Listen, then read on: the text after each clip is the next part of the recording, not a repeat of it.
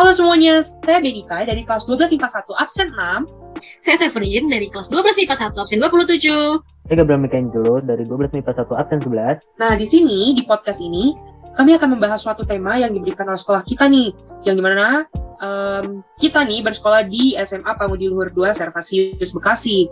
Nah, temanya ini itu berjudul Vaksin Datang, Corona Hilang. Tapi bener nggak sih kalau misalnya vaksin itu udah ada, Corona bakalan hilang? Sebelumnya gimana nih kalian teman-teman? Kan kita hampir satu tahun nih. Aku udah satu tahun ya? Kita itu belajar dengan sistem PJJ nih. Kalian gimana nih sekarang? Pada kondisinya baik-baik aja kah? Atau lingkungan kalian gimana nih? Ada yang kena COVID kah atau gimana? Baik, sih. sih. Semuanya baik-baik aja. Bagus lah kalau misalnya semuanya baik-baik aja. Nah, tapi sebelumnya nih, sebelum kita masuk ke pembahasan yang lebih dalam lagi. Menurut kalian gimana? Kalau misalnya vaksin itu udah ada, emang corona bakalan beneran hilang ya? Kalau menurut saya sih kayaknya enggak sih, enggak langsung hilang karena vaksin itu kan bukan buat langsung membunuh virus ya, tapi kan lebih ke meningkatkan imun tubuh manusia.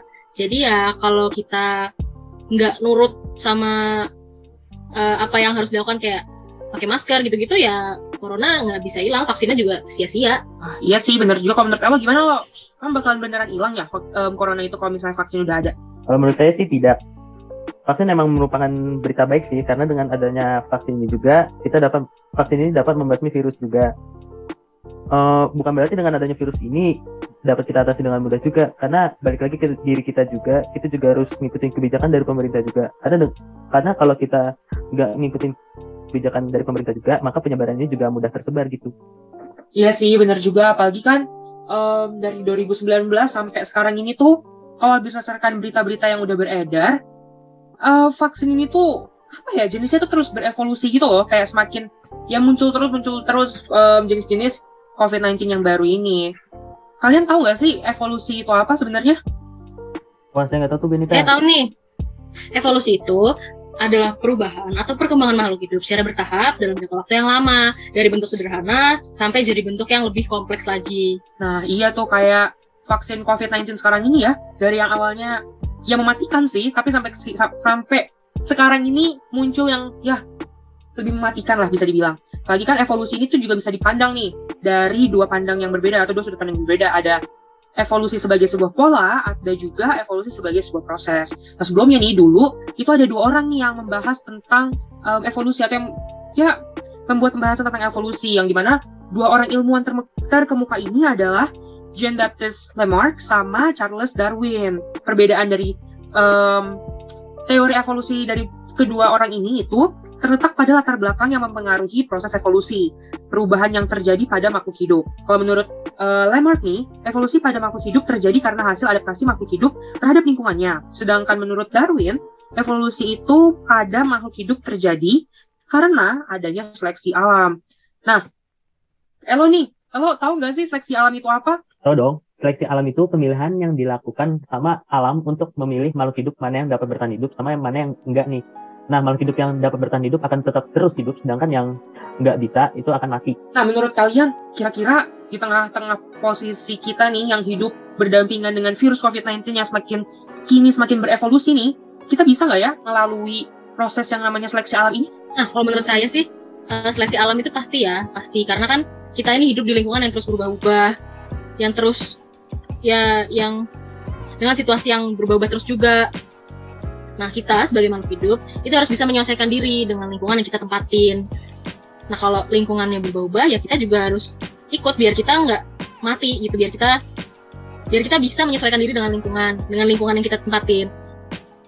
Nah, kayak kayak sekarang aja nih semenjak covid kan kita jadi harus pakai masker ke mana-mana, harus sering cuci tangan, itu kan mungkin merupakan hal yang asing buat beberapa orang yang jarang dilakukan. Nah, tapi kita harus lakukan demi keselamatan diri kita sendiri, demi kita bisa survive dari COVID-19 tersebut. Nah, bener banget sih. Kayak kebiasaan-kebiasaan baru ini buat orang-orang yang tidak terbiasa, mungkin mereka-mereka nih yang nggak terbiasa untuk membiasakan diri, bakalan kalah sih sama kita-kita um, yang bisa membiasakan diri dan juga kita-kita yang membiasakan diri ini berhasil bertahan hidup, sedangkan mereka yang tidak berhasil membiasakan diri bakalan kalah nih dengan persaingan ini um, apalagi kan kayak vaksin sendiri ini tuh dibuatnya lama nih. Dan ada tahap-tahapannya juga nih. Dari yang pertama kali itu studi praklinis di mana vaksin ini tuh dicobain dulu ke hewan-hewan percobaan lalu masuk ke uji klinis fase 1 dicobain. Atau disuntikan pada beberapa sukarelawan lalu ada uji klinis fase 2, fase 3, fase 4 yang terakhir di mana setelah hasil pengawasan ini pemasaran dilakukan setelah vaksinnya ini tuh dinyatakan aman dan efektif untuk digunakan. Yaitu setelah lulus uji klinis fase sebelumnya. Pada tahap ini juga vaksin ini sudah bisa mendapatkan izin edar dari BPOM untuk diberikan kepada manusia. Nah, menurut kalian nih, dengan adanya vaksin ini, persatuan dan kesatuan di Indonesia tuh bakalan terpecah belah nggak ya? Kalau menurut saya sih dengan adanya vaksin ini nih, persatuan akan goyah sih karena masyarakat akan berbondong-bondong memperebutkan vaksin ini. Dan juga keadilan juga bakal goyah juga karena perbandingan dari masyarakat kalangan menengah atas dan kalangan bawah itu sangat berbeda jauh. Terutama masyarakat menengah atas itu lebih diunggulkan karena hartanya nih, yang harta yang mereka miliki dapat mampu mem membeli vaksin-vaksin tersebut. Dengan harga berapapun. Itu menurut saya sih. Nah, kalau menurut saya sih pasti nanti akan terjadi adanya iri antara kaum menengah ke bawah dan menengah ke atas nih karena biasanya kalau menengah ke bawah akan merasa bahwa mereka ini kayak nggak dipeduliin sama pemerintah. Dan kalau menengah atas itu pasti mampu untuk beli vaksin dan mereka merasa kayak ini nggak adil gitu. Kenapa mereka bisa beli? Mereka dapat vaksin tapi kita nggak bisa. Kita kan nggak tahu nih nanti jadinya vaksinnya bakal dapat gratis atau suruh bayar. Nah iya banget. Apalagi kan um, kalian pernah nggak sih atau pernah baca nggak sih di artikel kemarin um, tentang kontroversi Raffi Ahmad yang setelah mendapatkan vaksin langsung bepergian mentang-mentang dapat vaksin merasa aman kali ya langsung bepergian atau pas malamnya tuh kalau nggak salah dia itu pergi ke suatu bar untuk makan-makan dengan teman-teman um, influencer lainnya. Menurut kalian nih itu kan Raffi Ahmad dibanjiri dengan kritikan-kritikan orang nih dengan kritikan-kritikan netizen kalian ada nggak sih kritik buat si Raffi Ahmad ini sendiri tuh? Apa sih kritik dari kalian buat Raffi Ahmad ini? Kalau dari saya pribadi ya. Lebih baik Raffi Ahmad seharusnya tetap di rumah aja dari karena kan vaksin vaksin itu harus didampingi dengan ya kehidupan kita kehidupan yang sehat. Karena kan vaksin kan nggak langsung bunuh virus kan? Pastinya ada dorongan dari kita juga. Dan Raffi itu merupakan influencer besar. Seharusnya dia bisa memberi contoh bagi kita bagi followers followersnya untuk bisa menjaga diri dan nahan diri. Apalagi dia keluar itu hal yang nggak penting kan cuma makan-makan aja bukan urusan kerjaan ataupun hal penting lain. Itu sih. Kalau menurut saya sih itu mending Raffi Ahmad mending di rumah aja ya. Karena dengan kita lihat dengan kondisi kita sekarang ini yang sangat kritis menurut saya lebih baik di rumah saja daripada mencari masalah sih. Ya itu aja sih saya. Wah, oke okay deh lo oh ya kalau gitu sebelum kita mengakhiri podcast kita ini nih um, saya punya dua pertanyaan nih dua quiz gitu nih nanti yang benar atau yang bisa jawab ya dapat piring cantik lah ya jadi nih pertanyaannya yang pertama bayangin kalian itu seorang peneliti yang bekerja di laboratorium yang digunakan untuk meneliti vaksin COVID-19. Nah, Gedungnya ini tuh atapnya mendatar dengan luas permukaan 300 meter dengan perbandingan panjang dan lebarnya itu 2 banding 1. Wah, dicatat ya. Ini kayaknya agak-agak uh, rancu nih soalnya. Tinggi gedungnya ini tuh 30 meter. Terus gedung ini tuh ter, uh, terdiri dari dua lantai dengan volume bangunan lantai 1 dan lantai 2 itu sama. Ruangan di setiap lantai itu dibagi jadi empat bagian yang sama juga nih. Tiap bagian langit-langit gedung itu dipasangkan sebuah besi memanjang secara diagonal. Besi yang dipasang pada bagian langit-langit lantai 1 dan 2 itu berada dalam posisi bersilang. Panjang nih soalnya udah dicatat semua kan? Nah, pertanyaannya nih. Pertanyaan quiz tadi, coba kalian hitung nih jarak antar titik, lalu jarak antar titik dengan garis, dan juga jarak antar titik dengan bidang yang ada. Kira-kira bisa nggak nih guys? Atau siapa nih yang bisa jawab? Uh, wah lumayan banyak ya perhitungan saya sih uh, untuk jarak antar titik tuh jaraknya ada bermacam-macam sih ada yang jaraknya 10 akar 6 meter 5 akar 6 meter 5 akar 30 meter 5 kali 15 meter dan juga 5 kali 15 meter juga nah terus untuk jarak antar titik dengan garis itu ada yang jaraknya tuh 5 akar 3 meter terus ada yang 10 akar 3 meter terus yang terakhir ada 5 akar 30 per 2 meter dan untuk jarak titik jarak antar titik dengan bidang itu jaraknya ada 10 akar 6 per 2 meter, 5 akar 6 per 2 meter, 15 meter, dan 5 akar 6 meter Benita. Wah, banyak juga ya jawabannya. Kalau gitu, oke. Okay. Untuk piring cantik yang pertama, Elo lah ya yang dapat. Nanti uh, bisa dicat ya warnanya mau warna apa nih, atau motifnya motif apa nih? Motif bunga kah atau motif kolam ikan nih? Karena yang motif kolam ikan.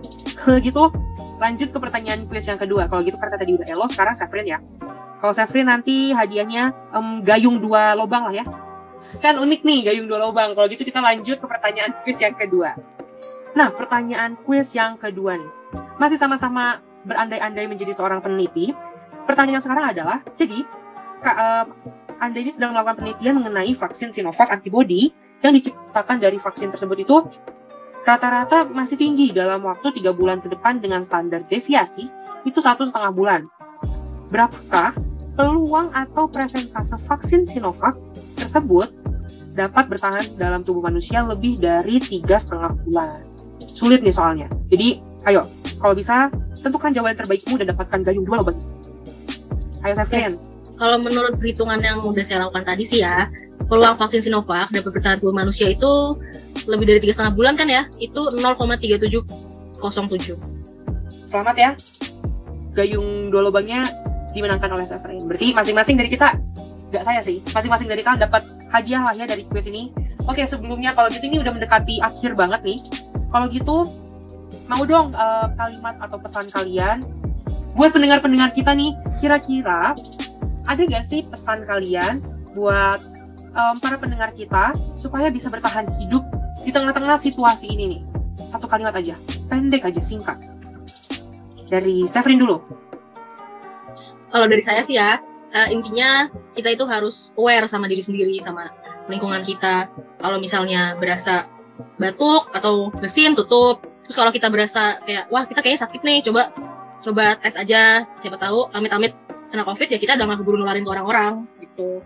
Wah singkat padat dan jelas ya Sayaf jadi intinya tuh pokoknya harus tetap aware lah sama lingkungan dan juga sama diri sendiri karena kita nggak pernah tahu kan apa yang akan terjadi. Sebenarnya intinya ya stay at home lah ya.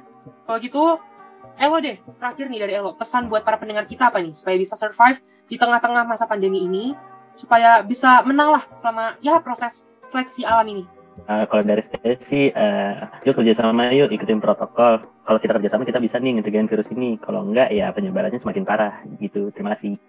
Wah bener sih. Pokoknya sih kalau dari saya penutupan lah ya. Intinya tuh yang pasti yang pertama tetap stay at home. Kalau nggak penting-penting banget, gak usah keluar lah ya.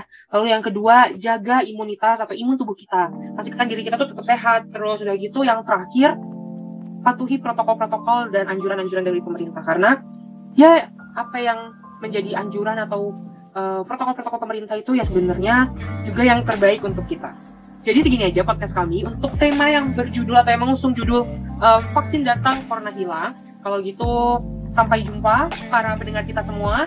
Sampai bertemu kembali di podcast kami selanjutnya. Terima kasih, dadah. Dadah.